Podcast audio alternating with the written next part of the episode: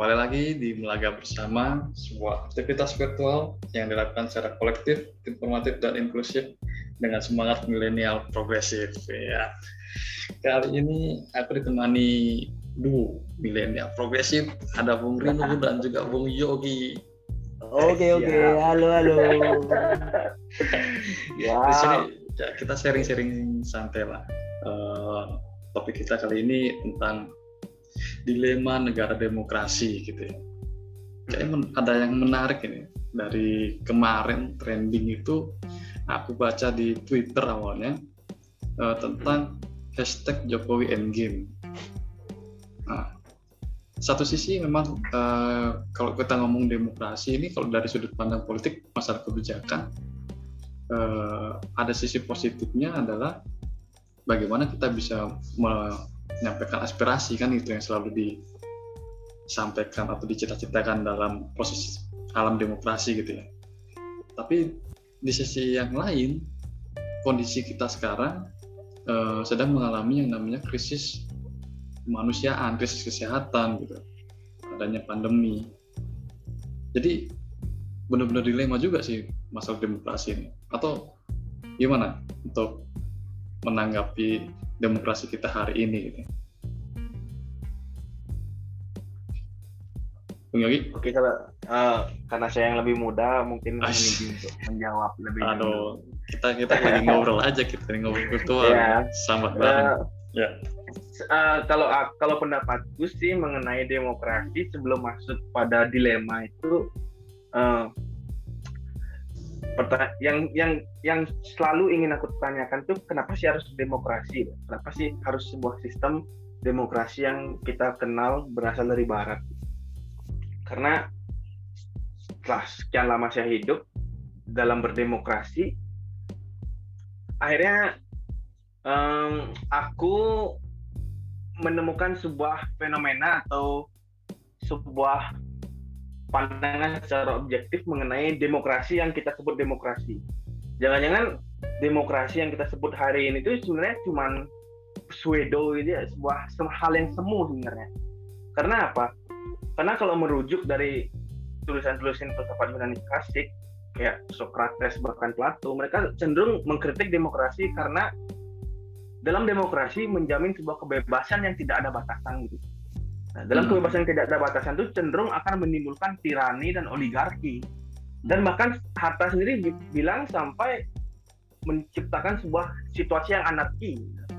Anarki kan karena semua orang akhirnya dianggap mampu memimpin dan semua orang dianggap punya potensi yang sama untuk memimpin.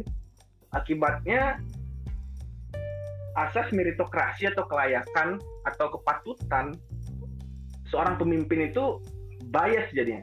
Jadi kita memilih memimpin bisa jadi karena kita satu golongan, bisa jadi karena kita satu ras, agama, suku. Akhirnya apa ide dari sebuah uh, politik demokrasi ini? Kalau pada akhirnya ujung-ujungnya mendikotomikan uh, sosial masyarakat kita itu.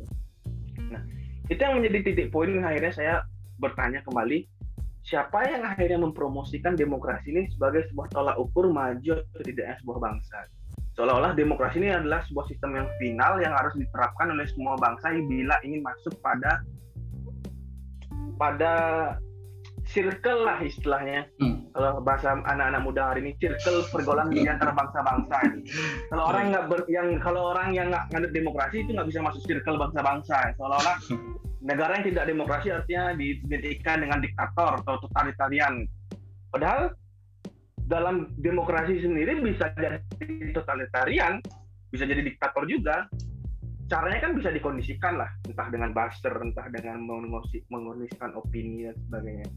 Makanya itu itu pertanyaan awal saya akhirnya mempertanyakan demokrasi ini apakah final sebuah sistem final yang memang sebuah sistem yang tidak ada cacatnya gitu menurut saya sih itu yang harus kita pertanyakan mulai hari ini. Karena melihat Indonesia sebagai negara yang menganut demokrasi pasca reformasi nyatanya ya sorry to say bahwa korupsi jauh lebih banyak uh, uh, konflik sosial semakin meningkat semakin banyak ketimpangan istilahnya hal-hal yang ketimpangan terutama dalam hal ekonomi ini mana liberalisasi ekonomi itu akhirnya menghilangkan pokok-pokok uh, ekonomi kerakyatan yang digagas Bung Hatta dan sebagainya.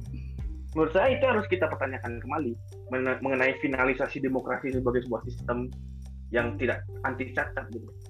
Hmm. Pendapat saya itu sih sementara. Ya. Mungkin ini juga sih aku jadi teringat ya uh, kayak kayak Sokrat yang Sokrates uh, cara berpikir tentang demokrasi yang kemudian dikritik ya atau direvisi oleh uh, muridnya gitu seorang Plato. Bahwa pada satu kasus uh, demokrasi yang dimaksud suara mayoritas itulah yang kemudian uh, bisa jadi menjadi blunder politik gitu ya blunder hmm. kebijakan. Karena belum tentu yang namanya mayoritas itu benar-benar mewakili atau uh, memikirkan gitu ya. Bagaimana kelompok minoritas yang uh, ada di dalamnya gitu. Mungkin itu ya yang jadi kayak benar-benar ada gesekan gitu ya antara demokrasi yang dimaksud kebijakan atau uh, demokrasi yang dengan dalam arti misalnya kayak ini nih. Aku berbeda dengan Bung Yogi dalam hal uh, berpendapat uh, kemudian kita masih ada ruang. Nah ini kan juga menjadi gaya juga gitu. Hmm. Bahwa demonstratos itu ya pemerintahan oleh rakyat secara langsung gitu ya. Atau ya, gimana? Uh, ada yang mau nanggapin ya menarik juga sih kalau yang dikatakan sama Bung Yogi tadi terkait demokrasi itu sendiri kayak gitu. Ya kalau di Indonesia ini kan sebenarnya bukan merujuk pada ini ya kita kembalikan ke pokoknya Pancasila itu kalau nggak salah kan uh, musyawarah mufakat demokrasinya ya. Hmm. nah musyawarah mufakat di mana situ ada perwakilan. Perwakilan ini kan sialnya untuk saat ini diwakili oleh partai-partai politik gitu kan. Ya ben, boleh lah bener uh, partai politik sebagai alat. Cuman alatnya ini ada yang di dalamnya itu orang-orang yang notabene rata-rata pengusaha. Tuh. Apa sistem kaderisasinya sistem kaderisasinya ini ya apa gitu kan. Kadang kala ada orang yang uh, beli putus lah dalam sistem demokrasi kita yang lima tahunan ini kan modelnya gitu ya. Jadi uh, yuk kaya yuk basisnya di mana dihitung secara keuntungan lah cash flow lah ya. Kalau bahasa ekonomi itu kan gue punya modal sekian habis itu bisa beli suara sekian ini kan ya lucu juga itu. Jadi ya. kesan demokrasi itu ya benar kata Bung Yogi bergeser makna gitu kalau untuk saat ini. Makanya kenapa kalau saya melihat kos politik itu lebih besar daripada kos pendapatan nah ini kan ini kan ya juga ini apalagi kalau sudah jadi nanti bagi-bagi sembako bagi-bagi ini ya ya ya ya ya, ya. Usah ya di bukunya Hatta tuh tentang demokrasi kita saya sebenarnya juga hampir mirip ya dengan pikiran Soekarno tentang sosiodemokrasi sih. Ya, saya sempat ya, ya sih. Uh, bahwa corak budaya kita tuh ya gotong royong, kemudian ya. mau bermufakat dan ada leader gitu. Nah itu corak kita kan ngomongin corak ya. Kalau nah. demokrasi sendiri pakemnya memang diterapkan di masing-masing negara juga beda-beda, coraknya beda-beda gitu kan uh, cuman kalau di Indonesia kan agak rancu juga gitu loh melihat uh, apa ya permasalahan Indonesia ini sangat kompleks gitu kalau hmm. di Amerika kalau di Amerika sana jelas ngomongin rasisme ngomongin tentang uh, tentang bentuk-bentuk warganya seperti apa kan sudah dimodel hmm. kayak di, uh, apa namanya kalau terbuka ini itu ya terbuka nah itu kayak gitu Iya, makanya tadi yang case ya, awal ya, ya. Yogi tadi ya, uh, kita melihat demokrasi sekarang ini seperti apa ya karena kita terlalu mengikuti gaya-gaya Barat gitu. Barat. Iya. Jadi kalau nggak salah demokrasi kita itu mengarah ke demokrasi liberal ya. Liberal, ya. Liberal. Uh -huh. Bukan demokratif kan ya. Kok, kok, kok bisa gitu? ya liberal lah Apa karena yang memenangkan parlemen kaum kaum borjuis? Tapi karena bisa spektrum ya ya? Bung. mungkin karena uh, kalau kita ngomongin uh, soul dari demokrasi itu kan adalah representasi gitu. mungkin karena di parlemen sendiri nggak ada representasi dari politik resort atau politik garis ba- uh, arus bawah atau politik sayap kiri. Karena kiri sendiri juga ada di banned kan Indonesia. Jadi susah akhirnya masyarakat kelas bawah kelas buruh yang punya representasi atau perwakilan mereka di sana yang memang benar-benar punya empati atas penderitaan mereka akhirnya untuk bisa bersuara di sana. Karena kalau saya sih lihat akhirnya demokrasi kita nih perlahan memang akhirnya mengcopy paste apa yang terjadi di Amerika di Amerika spektrum politik kiri itu cenderung di, di blokade karena diidentikan dengan Soviet diidentikan dengan sosialisme dan karena kata-kata sosialisme sendiri juga menjadi sebuah hal yang tabu untuk bisa dikonsumsi oleh masyarakat Amerika.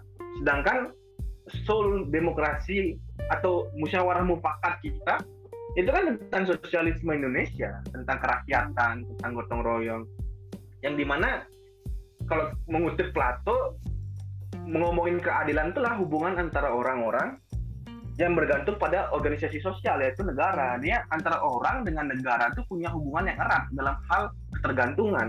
Yes, Jadi- ada kesadaran. Ya, ada kesadaran. Jadi kalau orang-orang yang melaksanakan demokrasi itu baik, harusnya kebijakan atau uh, keberpihakan yang yang dilakukan itu haruslah pada hal-hal yang baik, bukan pada hal-hal perseorangan atau kelompok saja. Makanya itu tapi mereka jadi- tapi mereka Hmm. itu ngomongnya baik loh. Ah itu akhirnya kadang kata-kata itu tidak merepresentasi- merepresentasikan makna, Bung. Iya kan? Ya itu itu adalah cara gitu kan. Termasuk politik ini adalah Iya. partai-partai kendaraan. Kendaraan memang benar tapi representatif dari yang sudah jadi itu mereka bagi-bagi sembako itu ya juga baik Iya, terus pilih-pilih. terus pilih-pilih gitu kan Enggak, tapi aku aku aku mungkin nangkep ini ya. Mungkin kalau keliru mungkin bisa ditambahi eh, Bung Yogi ya. Aku nangkep dalam dalam alur pikirnya Bung Yogi ini kita menginginkan atau eh, perlu juga namanya partai-partai independen itu eh, benar-benar kelas pelajar misalnya kelas-kelas pekerja gitu ya supaya yang mengisi di parlemen itu benar-benar eh, suara-suara itu yang di- disampaikan gitu nggak nggak bisa sih kayaknya. Kadang gini loh di bawah kalau katakanlah grassroots itu kita mengadvokasi dengan sangat baik gitu kan. Tiba-tiba kita duduk di parlemen kita berubah gitu. Menyesuaikan lingkungan. Tapi aku pernah dapat dapat referensi tentang partai komunis Cina. Kenapa Hmm. juga Cina gambar bintangnya tuh lima gitu. Ya Eh, simbol merah itu sebagai simbol sosial pisme gitu. Nah Cina itu sendiri ngomongin partai komunis Cina bahwa partai yang apa terpimpin gitu sekjen. Eh, tapi dia terwakili juga gitu. Ada juga bagian-bagiannya. Itu mirip-mirip eh, aku melihat ya partai dinamis ataupun partai modern hari ini bahkan mulai mulai orde baru itu ya emang Golkar gitu. Dia milik eh, punya apa itu yang kanal-kanal pengusaha misalnya kelas-kelas buruh eh itu buruh. Cuma di Indonesia ini yang repot adalah tidak ada in- eh, tidak ada konsistensi eh, baik itu individu maupun lingkungan benar kata Bung Rino tadi. Misal sekarang hari ini aku idealisnya seperti ini. Tapi ketika ngopi sama orang ini aku bisa bermuka bermuka dua bermuka tiga bahkan itulah Indonesia ini kalau kata.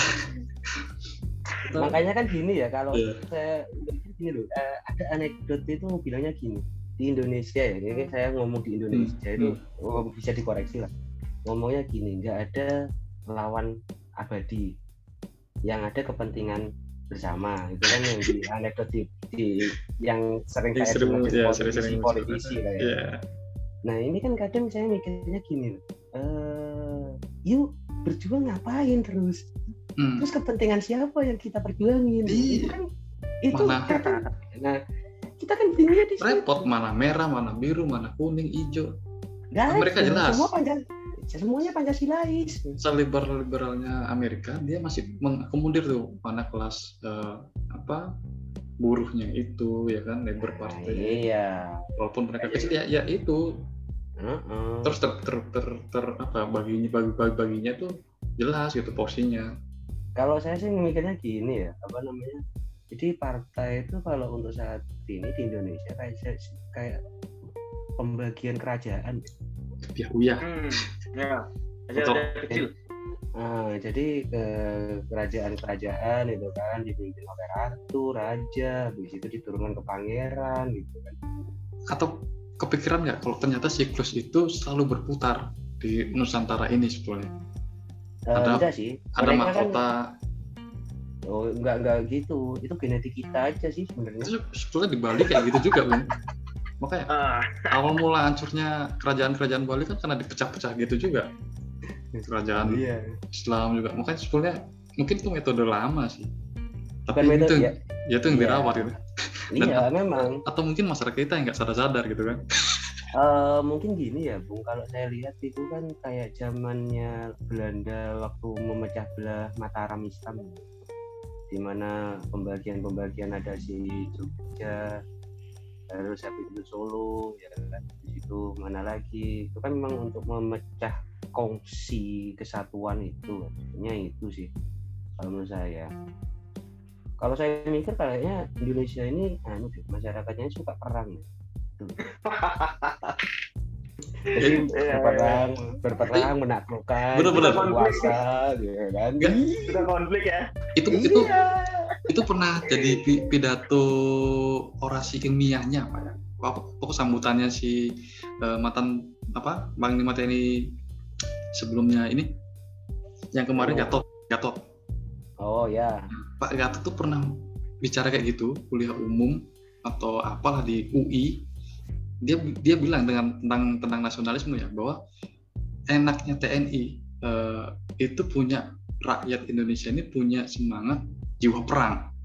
Nah dia dia bilang kenapa gitu kan? Karena tiap daerah itu punya tarian-tarian yang pakai senjata. Wah, itu menarik memang. Jadi emang jiwa kita tuh ya rela berkorbannya itu memang ada, suka perang itu benar dong. Iya, Ya, itu itu yang saya saya Makanya dibenturkan gitu. terus kita ini. Iya, soalnya kalau kita lihat dari negara Kertagama atau Hmm. Pararaton itu kan kalau saya baca manuskrip-manuskrip kuno itu kan selalu adanya penaklukan. Di situ ada negara bawahan yang harus nyerahin upeti gini gini gini. Jadi iklim kita kalau dipaksakan ke demokrasi nggak bisa ya. Tapi kalau menurutku Bung ya, menurutku apa yang disampaikan Bung Ibeng yang eh, turun menurun dem, eh, apa mahkota mahkota diwariskan tuh kayaknya memang laten dalam sistem. karena seperti yang awal ku bilang Yunani sendiri tentu akibat dari demokrasi sendiri akibat kebablasan terhadap kebebasan obrolan tadi mengenai demokrasi yang sudah berperang itu pada akhirnya memang saya rasa potensi orang berkonflik dalam demokrasi memenangkan calon mereka tuh tinggi. Karena apa? Istilahnya demokrasi itu kan sebuah gelas kosong itu. Semua orang tuh bisa mengisi. Semua orang tuh boleh mengisi gelas itu. Hmm, tidak betul. ada karena demokrasi kan kan boleh ngisi. Tapi permasalahannya masa atau or- kelompok yang jumlahnya jauh lebih besar mereka cenderung punya kekuatan yang lebih besar untuk mengisi gelas itu dan tidak kalau orang yang punya kekuatan besar kan cenderung nggak mau membagi kekuatannya. Dia kan dengan fu- full power mengisi itu loh. Makanya nah, itu yang jadi eh, hal yang selalu kupertanyakan mengenai demokrasi itu. Karena kali demokrasi cuma terjadi di saat skup pemilihan terkecil misalnya kayak ketua kelas. Ketua kelas kenapa kita bisa milih ketua kelas dengan mudah dalam kelas dengan sistem yang demokratis Nggak ada saya rasa duitnya. itu bisa menja- saya rasa itu bisa menyambung dengan omongan politik ini yang di mana bi- eh, demokrasi bisnis itu adalah saat pemilih dengan yang dipilih itu punya hubungan yang er- saling mengetahui gitu loh. punya hubungan personal jadi jadi orang memilih itu secara objektif gitu, Oh, di, udah, di, udah. di dalam kelas itu. Ya, ya. Nah, sudah kenal, jadi kita tahu tabiatnya dia tuh bagaimana. yang terjadi di Indonesia hari ini itu kan nggak nggak begitu. Kita tuh mengenal tokoh, orang yang akan pilih yang kita pilih itu bukan karena kita tahu dia, tapi kita tahu dia melewati kampanye. Dan kampanye itu kan sudah meng- meng- melakukan sebuah proses. Kalau dalam pemasaran dia tuh sudah kayak rebranding gitu loh. Dia sudah membranding dirinya sedemikian rupa seolah kita membeli produknya dia yaitu adalah di- dirinya dia yang kita coblos. Jadi cara berbisnis dalam demokrasi di Indonesia ini lebih kurang lebih seperti orang berjualan produk akhirnya. Yang di mana produknya itu adalah kebijakan publik atau rezim lima tahun ke depan. Yang di mana sayangnya produknya itu nggak bisa kita miliki ya. Yang di mana produk itu nggak bisa kita kenalin. Karena yang kita beli dari produk itu ya cuma flyer-flyer dan sugesti-sugesti tentang kampanye. Akhirnya kedekatan antara orang yang dipilih dengan pemilih itu sebenarnya nggak ada makanya itu yang menjadi pertanyaan gimana sih caranya sebenarnya kita bisa tahu orang ini mencalonkan dirinya tuh dengan sebuah ide atau gagasan yang cemerlang? Bukan sebuah cuap-cuap aja gitu loh. Bukan sebuah uh, pepesan kosong. Itu yang masih belum terjawab. Karena kita masih sibuk untuk gimana mengamankan basis-basis massa mengamankan uh, influencer. Sedangkan kita tuh nggak bertarung ide sebenarnya di sana di dalam demokrasi Indonesia tuh nggak ada pertarungan ide sebenarnya menurut saya. Karena pada ujung-ujungnya polanya tuh akan sama aja. Mengeksploitasi semasa punya jabatan itu dianggap sebagai sebuah uh, momentum untuk politik. Jadinya omongan yang disampaikan Socrates sendiri tuh terulang terus gitu bahwa tirani dan oligarki itu udah seperti anak kandung dalam demokrasi yang harus siap kita terima kalau kayak gitu judulnya.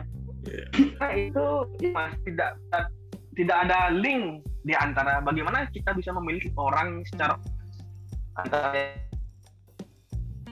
bisa. Nggak ada nggak ada yang bisa kalau orang mungkin bisa teman-teman saya tapi bagaimana orang-orang di Jawa bisa tahu bahwa saya itu memang punya komitmen untuk itu. kan nggak ada link untuk itu dalam demokrasi di Indonesia nih. sehingga itu tuh problem besar sebenarnya menurut saya itu ya, ya. memang masih uh, apa ya kekurangan dari uh, suara mayoritas itu sih enggak sih bukan suara mayoritas suara minoritas yang kurang Enggak bagaimana menghegemoni itu tadi ya. Contohnya tadi kan akhirnya merujuk ke suatu kebijakan juga ya. Yo, itu kalau kalau kita merujuk pada suatu kebijakan kan harusnya yang dirasakan oleh masyarakat gitu kan. Semua regulasi itu bagus. Yang didok oleh DPR RI yang terhormat itu sangat bagus menurut saya. Cuman kan eh, sialnya kan untuk saat ini implementatif di bawahnya ini kan Iya iya, nggak maksudku mayo, suara mayoritas yang kemudian diambil gitu loh, dimanipulasi lah bahasanya itu juga bisa jadi. Dan iya, iya. Uh, dalam hal pemilu. Kita, ya cara uh, gini lah kita kira kita ini ngomong masyarakat uh, musyawarah yang mufakat. Nah, musyawarah mufakat itu kayak gimana? Ujung-ujungnya mau voting. Uh, masih nggak terpecahkan kan itu. Nah, iya karena karena argumentatifnya sangat bagus ini ini ya habis itu di, dengan ini setuju apa tidak? Kok terakhirnya setuju atau tidak? Ini kan ini ya, gimana? makanya men, uh, bertolak dari argumentasi Bung Eben tentang PKC atau Partai Komunis Komunis Cina tuh saya mal, malah melihat ada dalam pilihan di Cina itu adalah asas meritokrasi gitu asas kelayakan orang untuk memimpin itu ya kalau mau jadi pemimpin harus dikata dari bawah harus dari mengabdi pada masyarakat bertahun-tahun. Artinya berjenjang itu loh berjenjang.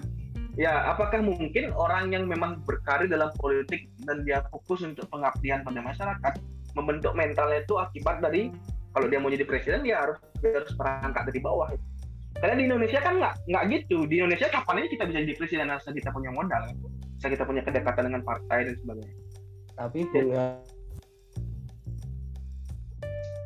kayak Inggris. Di Inggris itu kan gerakan-gerakan berjuasi itu kan untuk menghancurkan eh, kerajaan itu kan burjuis berkumpul di dalam gerakan sosial demokrat gitu kan. Jadinya me, eh, apa menginspirasikan Angel sendiri untuk eh, membuat gerakan eh, ini kelas pekerja itu sama Marx gitu. Nah, sini kita punya itu. Nah, makanya kalau kita membahas Tan Malaka bilang revolusi 100% itu kan itu yang harusnya dihancurkan gitu. Lu Hmm. mikirnya Soekarno kan, wah itu terlalu lama revo- eh, revolusi 100%. Ya, Bisa-bisa ya, ya. pemahaman-pemahaman itu akan berkurang. Terus merdeka bagaimana gitu kan. Ya, kita ya, ya. Habis itu Ya, nyontoh ya. lah kan. Habis itu nyontoh lah ke mau setung ya kan. Oh mau setung pakai mu anu partai tunggal seperti ini dia. Makanya itu dijadikanlah golongan karya. Sialnya golongan karya yang jadi subur. kan seperti lambangnya beringin subur bung Nah, iya, harapannya kan satu satu partai itu kan yang apa yang menjadikan apa sih bahasanya itu? Partai Pelopor. ya. Pak, Ya, pelopor. partai pelopor itu kan embrionya dari Golkar itu. Nah, sialnya itu yang diperhitungkan. ya ya ya makanya makanya ini unik nih sebenarnya Golkar itu tapi aku mau bergeser pada demokrasi dengan penanganan pandemi ini bu karena apa aku tadi kan bertolak pada meritokrasi atau kelayakan Bu. nah kalau sekarang kita pakai logika demokrasi yang di mana demokrasi hari ini tentang demokrasi voting bagaimana bila uh, pemerintah nggak lagi concern tentang penanganan pandemi ini? Karena apa? Karena hampir rata-rata masyarakat tuh menolak ppkm mereka menolak untuk keadaan seperti ini. Dan mereka lebih baik untuk uh, hidup normal seperti dulu nih. Artinya kalau secara demokrasi mereka memvote